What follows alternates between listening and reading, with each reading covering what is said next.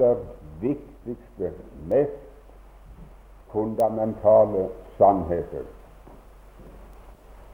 For troende mennesker er det neppe noen sannhet i Skriften som det er mer verd å ha klarhet over enn nettopp den.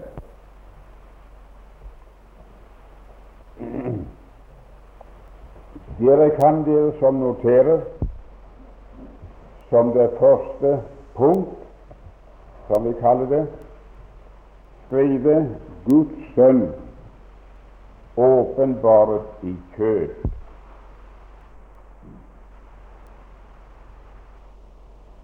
Jeg minner om igjen om Johannes 1, 14, som vi leste i går. Ordet blir kjød,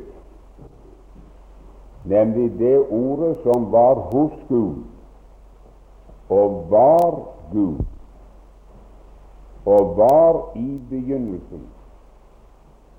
Han ble ikke til i begynnelsen. Det nevnte jeg i går. For det som var i begynnelsen, kunne ikke bli til i begynnelsen. Så han er fra evighet, og han er til evighet. Like evig som Gud er evig. Det ordet ble kjød og tok bolig iblant oss, og vi så Hans herlighet osv. I Filippenserbrevet 2, 5-7 er det sagt at da han var i Guds skikkelse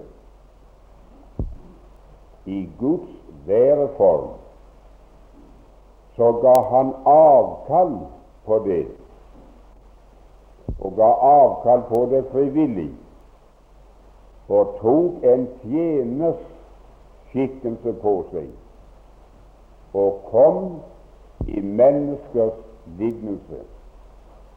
Og så heter det at i sin ferd ble han funnet som et menneske.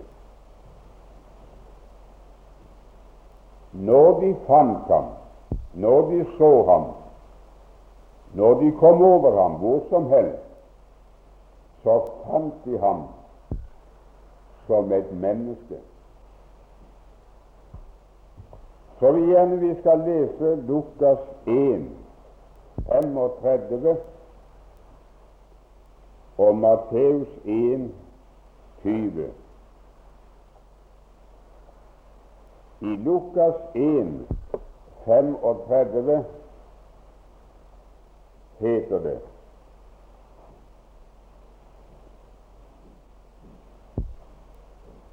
Engelen svarte henne, Den hellige ånd skal komme over deg, og den høyestes kraft skal overskygge deg. Derfor skal også det, ikke den, men derfor skal også det hellige som fødes, kalles Guds sønn. Tyvende vers i Matteus 1. Der sa Herren til Josef Josef, Davids sønn, frykt ikke for å ta din hustru Maria til deg, for det ikke han, men det som er avlet i henne, er av Den hellige ånd. Enda et sted, nemlig Hebreerne 10 og vers 5. Hebreerne 10 og vers 5. Derfor sier han idet han trer inn i verden. Ikke da han gikk ut av verden, heller ikke da han var i verden, men i det han trer inn i verden, sa han, offer og gave ville du ikke ha, men et legeme laget du for meg. Mange siterer det på møter, hører jeg, og sier, men et legeme la du for meg.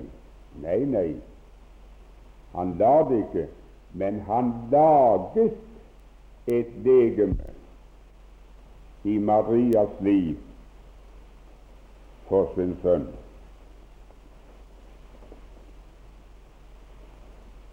Når vi trådte inn i verden, så kunne ikke vi si et ord. Men han kunne tale idet han steg inn i verden. Men han talte ikke til Marie, ikke til Josef, ikke til noe annet menneske. Men han vendte seg i det legeme som var laget ham, til Gud og sa til ham et legeme laget du for meg. På svensk heter det at det legeme som du har laget åt meg, det vil jeg ofre dit.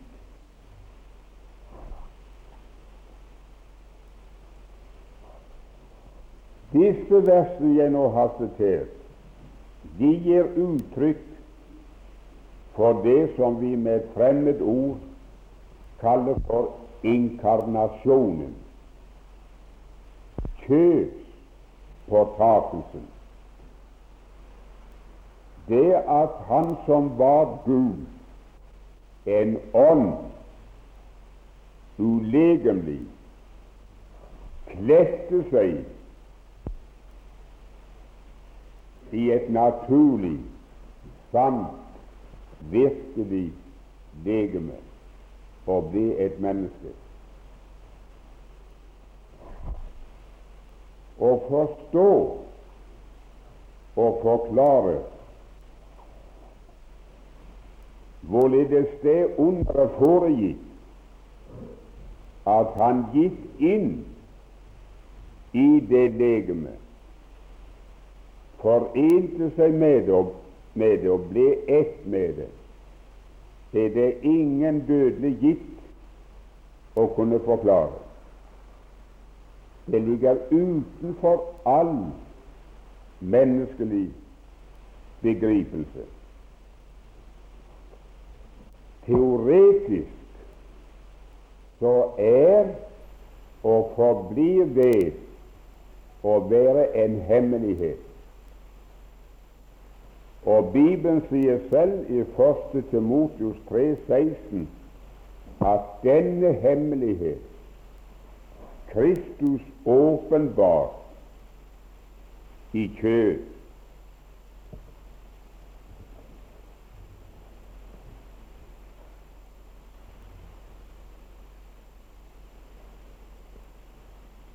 Jeg har noe i den hånden der. Det er ingen av dere som ser hva det er. Du kan gjette på hva det er. Nei, jeg vil bytte.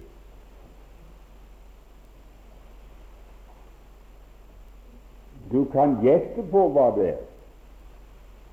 Det kunne hende du traff det, men det er ikke sikkert.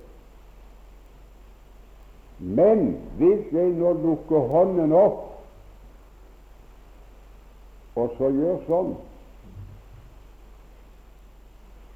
så har jeg åpenbart det som var i hånden. Det var en flaske med dynamitt i. nitroglyserin. Hør nå. Den flasken ble ikke til i og med det at jeg lukket hånden opp. Den var der, men skjult. Først når jeg lukket hånden opp, ble den synlig og kjent, kunne kjennes. Og venn min venn, den Herre Jesus ble åpenbart i kjøp. Han ble ikke til da når han trådte frem i verden i menneskekjøtt og blod. Han var der og hadde vært der som sønn fra evigheten. og var utenom sfæren for menneskelig erkjennelse. Men så ikledte han seg kjøtt og blod og steg inn i denne verden og ble synlig og kom innenfor sfæren av menneskelig erkjennelse. Så nå kan vi kjenne ham og vite hvem og hvordan han er.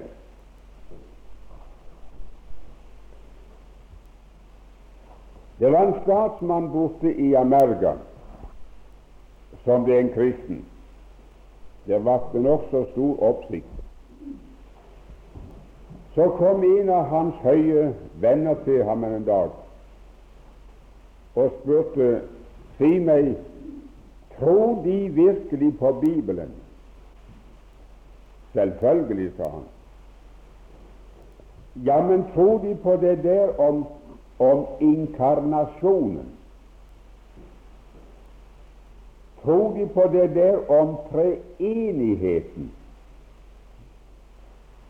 At det var tre personer i én? Kan du begripe det? Nei, sånn, det begriper jeg ikke. Jeg tror på det, men jeg begriper det ikke. Men hvis jeg kunne begripe hvordan de tre personene er forenet i én, og at Guds sønn ikledte seg kjøtt og blod og steg inn i denne verden så vil jeg skamme meg for å kalle den personen for min frelse. For da var han ikke større enn jeg selv er. Tvert imot, han ville være mindre. For jeg begriper ikke engang meg selv hvordan skulle jeg så begripe ham? Skriften sier at vi er skapt i Guds lignelse. Det står også i Guds bilde. Mange gjør det identisk. Så enten det står 'skapt i Guds lignelse' eller 'i Guds bilde', så betyr det ett og det samme men de har ingenting med hverandre å gjøre. Det er to himmelvidt forskjellige ting. Men når vi er skapt i Guds lignelse, vil det ikke si noe annet, venner, enn at vi er en treenighet, som Gud er en treenighet. Det som dere ser, står her på prekestolen i formiddag er ikke én som dere ser, men det er tre personer. Det er det legeme som dere ser, men i det legeme er det sjel og ånd. Og de tre er forenet på mystisk vis til ett, til en enhet. Å begripe og kunne definere på hvilken måte de tre har forent seg til ett i mors liv. Det er det ingen dødelig som kan, kan gjøre. Men vi vet det og opplever det at vi er en treenighet. Men hvis nå jeg som står her, ikke kan begripe meg selv hvordan mitt legeme, min ånd og min sjel er løpet sammen til ett, hvordan skulle jeg så kunne begripe den guddommelige treenighet? Jeg ville være en dåre om jeg forsøkte å forklare det. Jeg kan ikke. Jeg tror på det, men jeg begriper det ikke.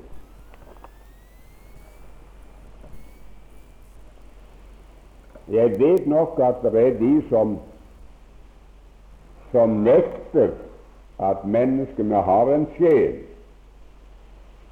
Det var en kirurg som ved en viss leilighet sa til en troende Han kom til å snakke med ham om åndelige ting, om død og dom og evighet. Så sier han det er det om sjelen som dere snakker om. Det tror jeg ikke på.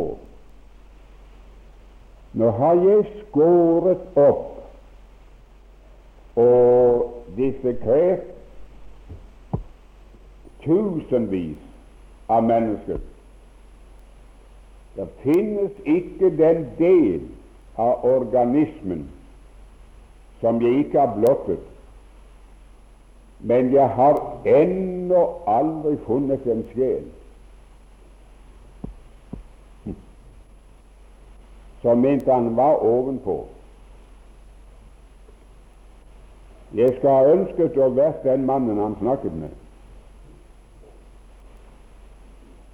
Så vil jeg for det første ha spurt ham Si meg, hva forstår de med sjelen? Har de tenkt dem at det er en kjøttklump som ligger et eller annet sted i kroppen? Og Så kan de åpne opp og ta det ut av deres sjel. Eller tror de at pasientene deres har liv? Han ville svare ja. Nå vel, har du noensinne funnet livet og kunne skjære ut livet og holde det i hånden og si det er livet. Vær så god, det, det er livet.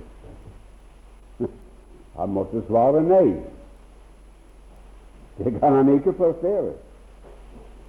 Kan ikke si hvor livet er, og hvor i det består.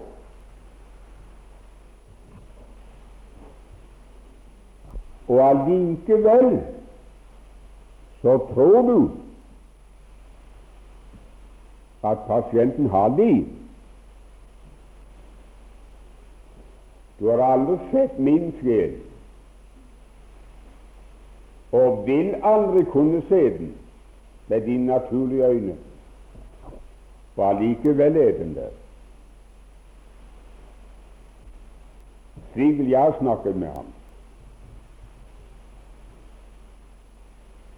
Nok om det. Så et par ord om det annet, at Jesus ble funnet som et menneske. Her skal jeg ikke trette dere med skriftsteder, verken til å skrive dem eller lese dem. Jeg anser det for å være helt unødvendig. Jeg skal bare sitere noen forhold som er tatt rett ut fra bestemte skriftsteder. For det første står det om ham at da han var her i verden, så gikk han. Nå står jeg her, dere sitter.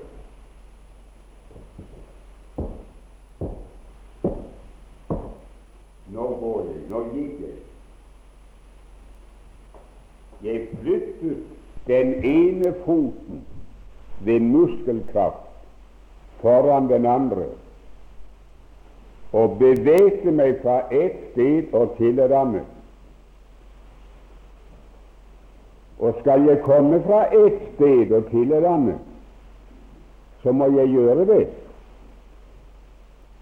Eller så må det komme et helikopter og ta meg i en snor om halsen og så løfte meg opp og transportere meg.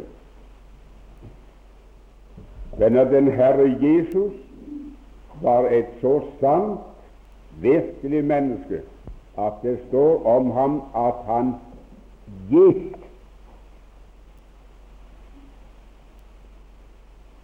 på møysommelig vis, på trettende vis, måtte han ved sin muskelkraft flytte den ene foten forbi den andre for å komme til et annet sted, akkurat som vi. Det står om ham at han så. Han ble trett. Han satte seg. Han ble tørst.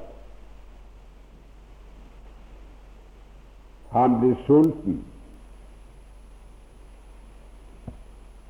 Han led. Han følte smerte, og det sies han skal lide meget. Og det er endog av mennesker. Og han gråt. Han gråt. Og han frydet seg. Alt er menneskelig. Og endelig han døde. Rett og slett døde og ble begraven. Og det å dø og bli gravlagt det var så menneskelig at endog hans disipler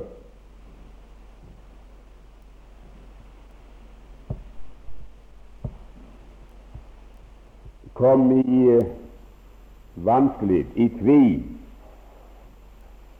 Emmausvandrerne de sa til ham på veien, uten dere å kjenne ham, til å begynne med at vi håpet at han var den som skulle forløse Israel. Men nå er det tredje dagen siden dette skjedde, at han døde og ble begraven. Så nå har vi gitt opp. Nå har vi forlatt Jerusalem, og så er vi på vei hjem. Han var altså ikke den som han ga seg ut for, og som vi håpet at han var. Så menneskelig ble han funnet i denne verden. Og mange som leser evangeliene, de finner han, ham så menneskelig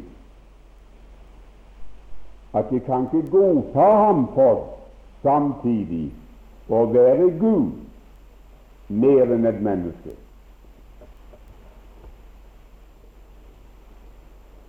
Jeg ser ikke mer om det.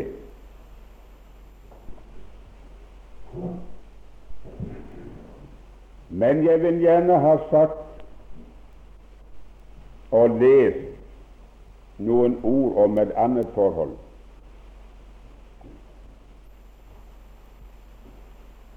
Nemlig det at han ble menneske i en, i et, i en langt dypere forstand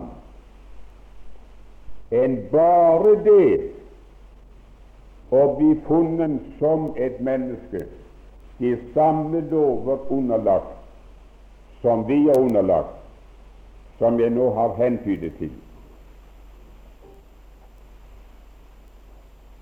Vil det slå opp første til Motius 2 og vers 5?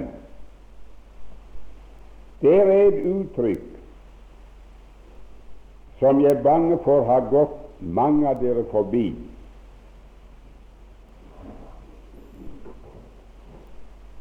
Der heter det der er en mellommann mellom Gud og mennesker, Jesus Kristus.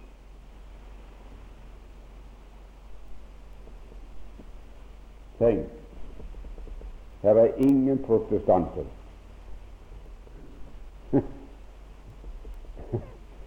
Jeg håper de ikke er katolikker alle. Det står ikke så. Det er én mellommann mellom Gud og mennesker. Nå kommer det. Se hvordan det er stavet. menneske i bestemt form. Entall, bestemt form. Mennesket Jesus Kristus. Leser det første Mosebok 1, 27, og første Mosebok 2, 7 og vers 15 så vil du finne at da Adam var skapt i Eden, så kaltes han for menneske. Ikke et menneske. Jeg som står her og preker for dere i formiddag, jeg er et menneske.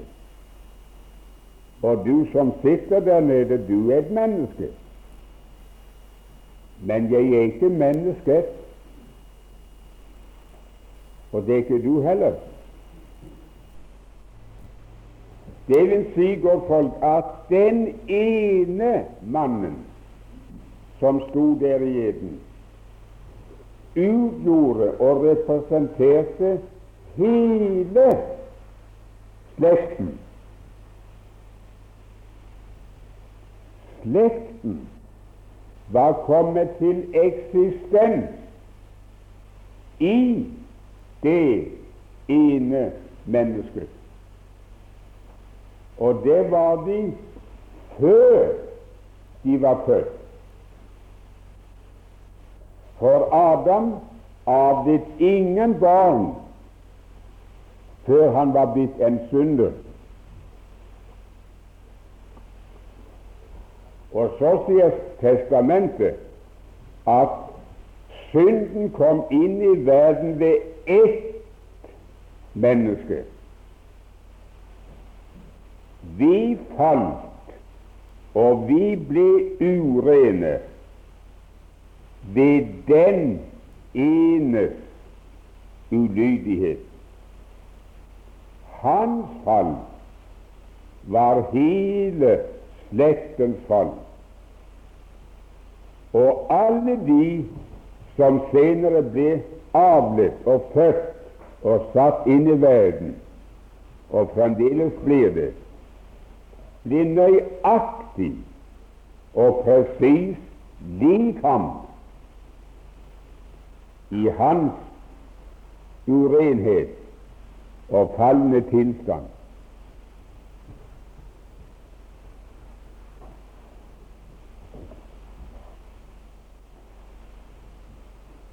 Jeg kommer tilbake til det fra denne synspunkt.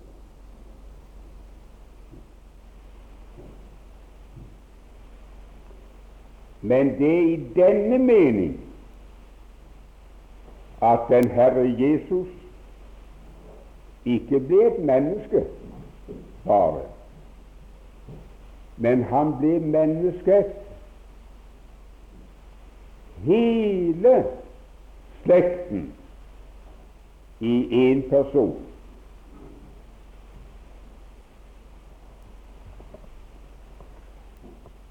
I Johannes 3, 13 leste vi i går Ingen har noensinne sett Gud, men menneskesønnen,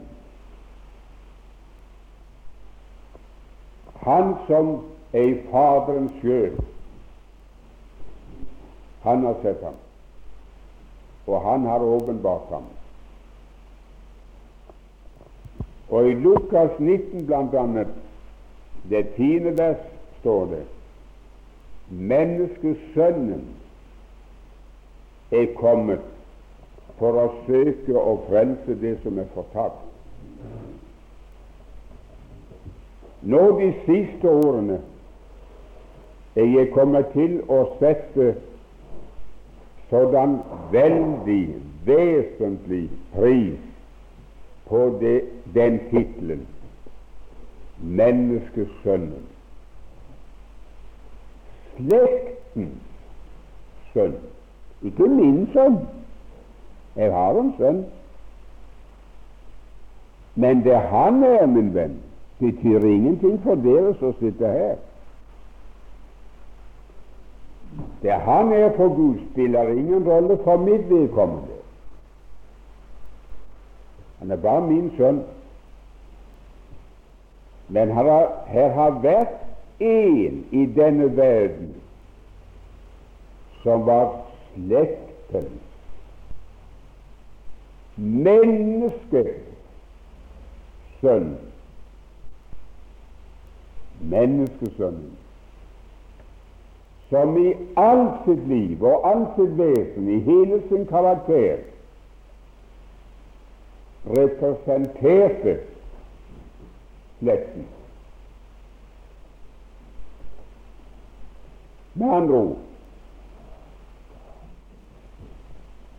Gud har forenklet frelsesplanen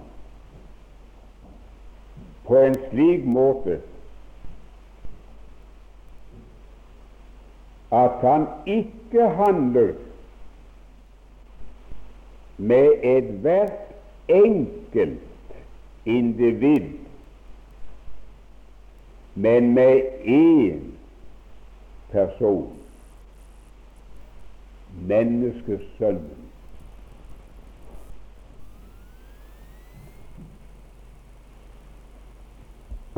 Godt folk, Jeg som står her, er et frelst menneske. Det bekjenner jeg meg for, og det vet jeg at jeg er. Det kan jeg dø på, for jeg har vært like inne i døden uten å gå over grensen, og vet at det holder. Men hør hva jeg sier. Gud har ikke frelst meg i min person.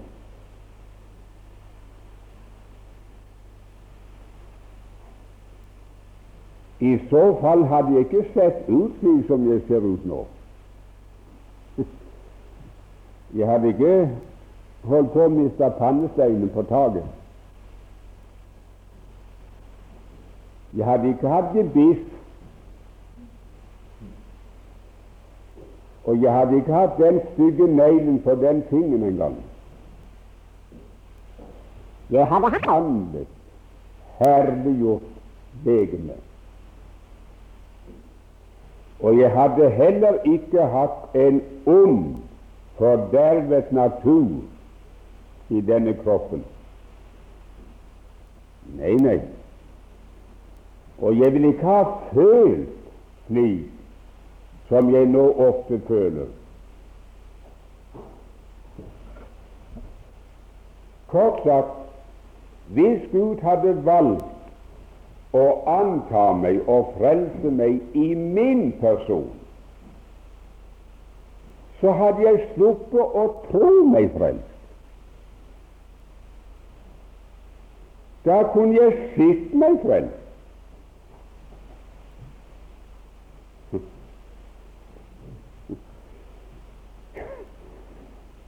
Kan han jeg er frelst. Og jeg kunne bare ha følt etter Kan begripe jeg er frelst. Jeg føler jo bare himmelen. Jeg føler bare det som er, guddommelig. Intet ondt. Ikke et ondt begjær. Men nå kan jeg verken se meg selv eller føle meg selv.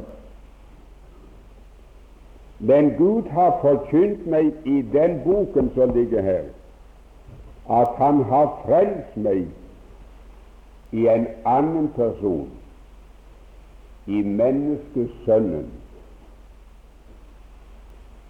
Og så er til å trå det vitnesbyrd som Gud har vitnet ikke om av Bjerkreim. Nei, nei. Men det vitnesbyrd han har vitnet om sin sønn, og det kan jeg tro. For det vitnesbyrdet, mine tilhørere, det er like sant, det er like rett, enten jeg føler godt eller jeg føler vondt. Så jeg ser aldri etter og jeg kjenner aldri etter om jeg er en kristen, om jeg er frelst eller ei. Da vil jeg være i mørket støtt.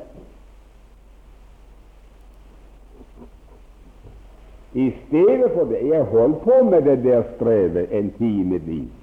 Det var grusomt. For en dag trodde jeg var frelst, neste dag tvilte jeg på om jeg hadde vært det. Og Dagen deretter var jeg viss på at jeg aldri hadde vært det. Og dagen derpå så var det vel Har jeg vært frelst før, så må jeg bli det nå.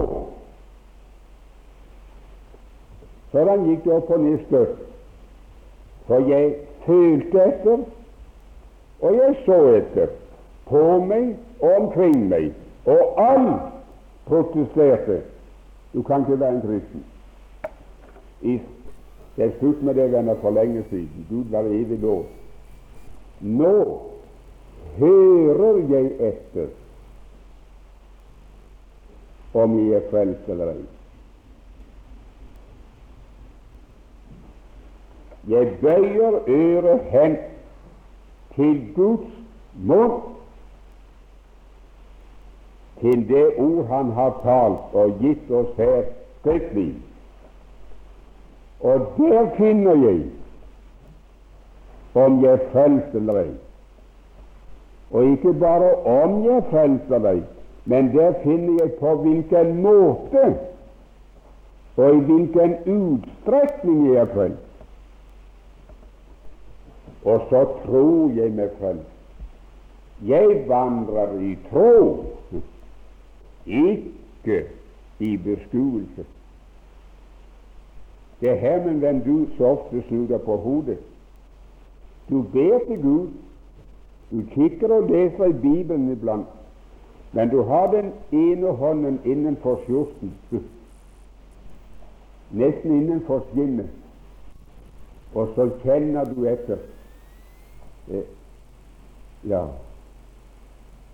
mon jeg er? Er, det sånn å være en troende? Er, er, det slik de kjenner det? Er det slik de har det? Og så finner du som regel, min venn, at alt i deg og ved deg reiser seg til en protest. Du kan aldri være det. Kan du undres på at du er i mørket? Nei, min venn, det er her du vil finne det, i Guds bok. Og har du forstått sannheten om at Kristus da han ikledte seg kjøtt og blod, ble mennesket, menneskesønnen, den ene person med hvem han handler, og avgjør frelste menneskers skjebne, så vil saken bli klar for deg. Ikke bare en og annen gang iblant. Men jeg har lyst til å si du får konstant visshet for hvordan ditt forhold til Gud ligger an. Og da regner annen mann enn din egen.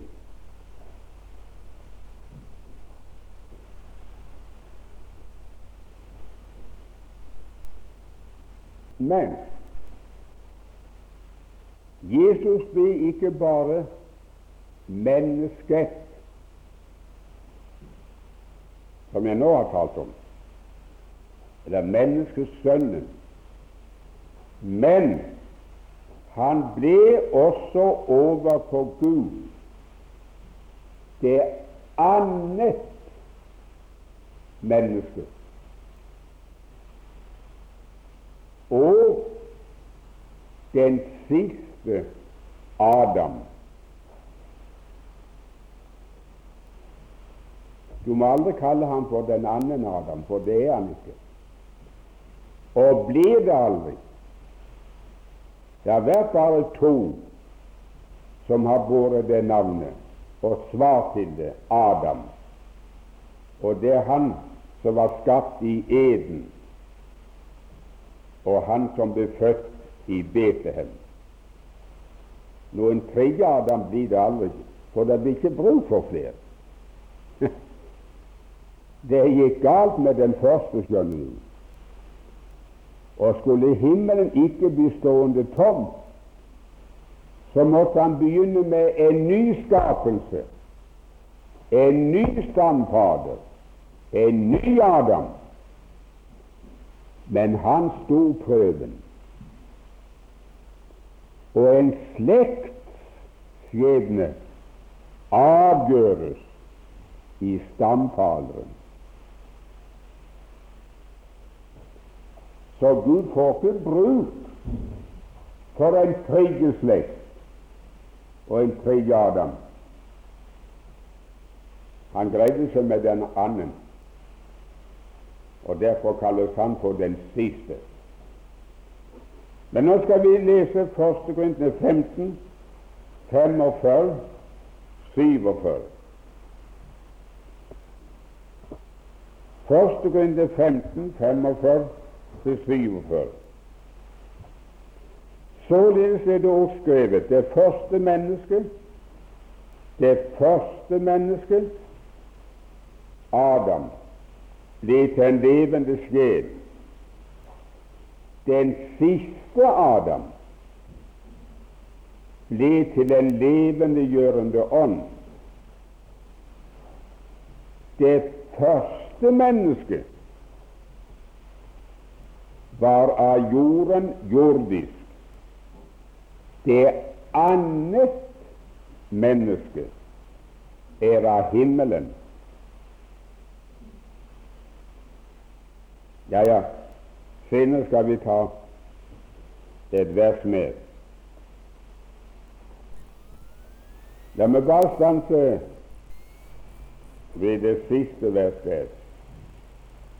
47 det annet menneske, den Herre Jesus, er av himmelen.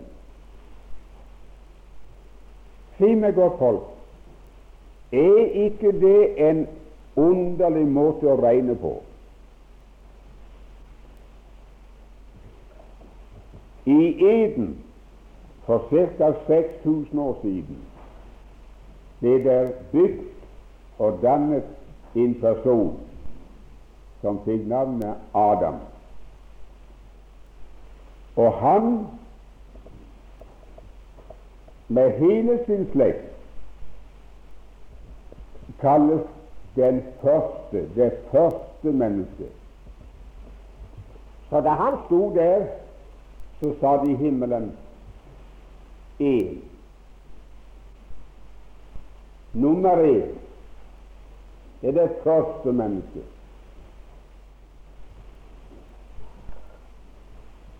Så kom Kain, så kom Abel, videre. Men Gud sa ikke to. Hvorfor var ikke Kain det annet menneske? Eller hvorfor var ikke Abel, Enok eller Seth nummer to, det annet menneske? Først når det mennesket er født i Betlehem, Gud åpenbart i kjød, så sier himmelen to. Her er det annet menneske. Det, det er en merkelig måte å regne på. Men de regner det i himmelen.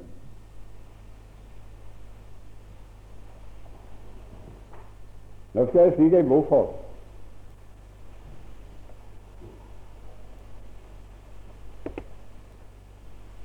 Han kalles det annet menneske fordi han var den første første etter Adam som til sitt vesen viste seg å være forskjellig fra det første mennesket. Enten det var Kain, Abel eller noen av de andre, deg eller meg, så er vi presis lik det første mennesket. Så når Gud, mine tilhørende, vil vite hvordan jeg er som et Adams barn, så bør han ikke se ned fra himmelen på meg. Og han behøver ikke eksperimentere med meg. Nei, Han kjenner det første mennesket, Adam. Og så vet han at det som er født av kjøtt, det er kjøtt.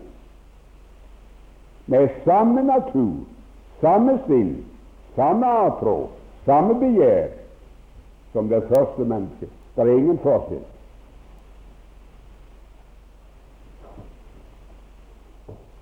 Jeg har så vanskelig for å finne uttrykk for tankene mine.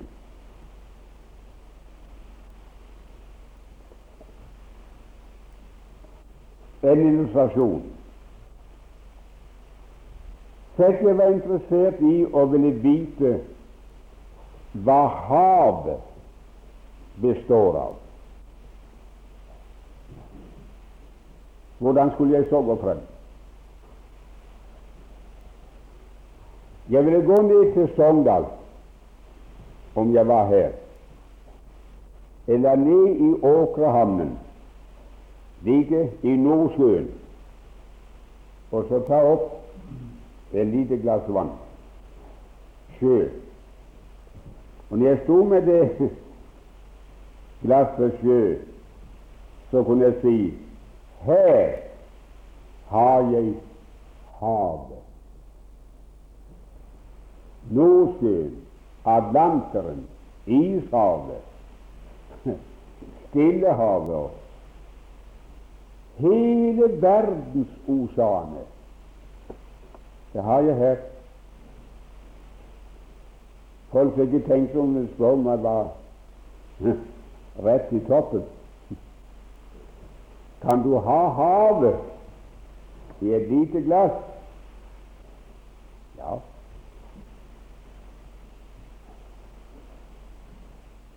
For hvis jeg tar det glasset med vann og går til et kjemisk laboratorium og ber dem om å analysere det for meg, hva det består av, hva det inneholder, hva det er for noe,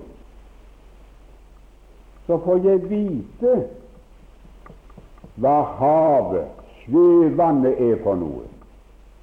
Jeg behøver ikke sende inn hele havet. Hvor skulle gjøre det hen? Jeg sender inn en prøve av havet. Jeg har vært bonde. Jeg har 40 mål jord ca. Så jeg har rede på hvordan den jorda er, hva som egner seg best til å dyrke der. Så hadde jeg kontor inne i Oslo hvor du kan få den jorden analysert. Få rede på det. Selv jeg var interessert. Kan du begripe jeg sender ikke inn 40 mål jord til Oslo. Jeg vil ikke få, være i stand til å få det frem.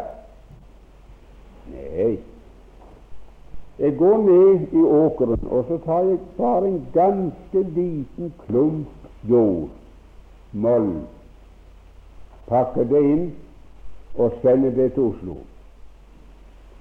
Så analyserer de den, og i den ser de og kjenner de alle 40 målene mine. Slik er jorden hans. Forstår du? Tenk på menneskehavet, og du er en liten dråpe der. Så innbiller du deg at Gud holder på å analysere på deg. Nei, godt folk, han gjør ikke det. Han analyserte den første dråpen. Det første mennesket, Adam. Og så vet han hva alle Adams barn er for noe, og vet at de ble som den urene alle til hope, og de er fortapt. Og så sendte han sin sønn, den enbårne, menneskesønnen, til verden for å frelse det som er fortapt, også deg og meg. Det der skulle hjelpe dere lite grann på vei til å forstå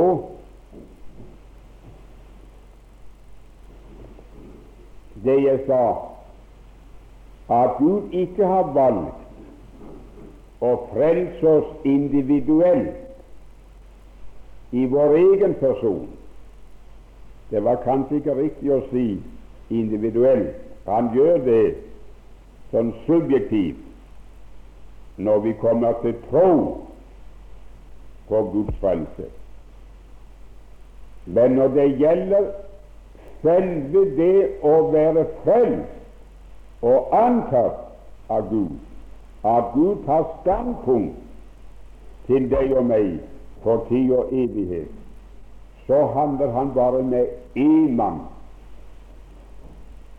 slektens sønn, slektens representant, den siste Adam, menneske nummer to. Og i ham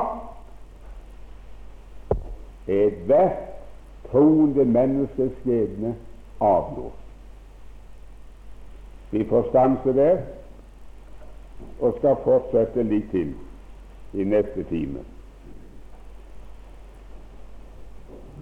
Dette kan forekomme noen av dere litt tørt, for teoretisk, men eh, jeg skal si det, min venn, at det danner plattformen som vi skal stå på. Har du sett når folk eh, skal minere og skyte? Der sitter en mann med et minebor og en feisel, eller han har maskinbor, og så borer han en stein. Det ser nokså tørt ut og mekanisk. Og en uvitende, en ukyndig spekulerer på hva i verden skal det bli av dette her? Han holder på og hamrer og banker, og det blir ikke mer av det. Var du nær, så så du han krøp nedover. Det ble et hull. Endelig er han ferdig, og så putter han noe nedi, noen dynamittpatroner. Enda skjer det ingenting. Og Vigum tenker hva skal det bli av dette her? Og så begynner han å lese på en hel del fasiner. Hva skal dette bety? Og til slutt så roper han Vær du her? Og så springer han. Plutselig skjer miraklet. Så eksploderer det som han har masket med, som så så intetsigende ut. Skuddet gikk. Venner, jeg har begynt å bore hull. Jeg holder på å la. Jeg håper at skuddet går før vi er ferdig.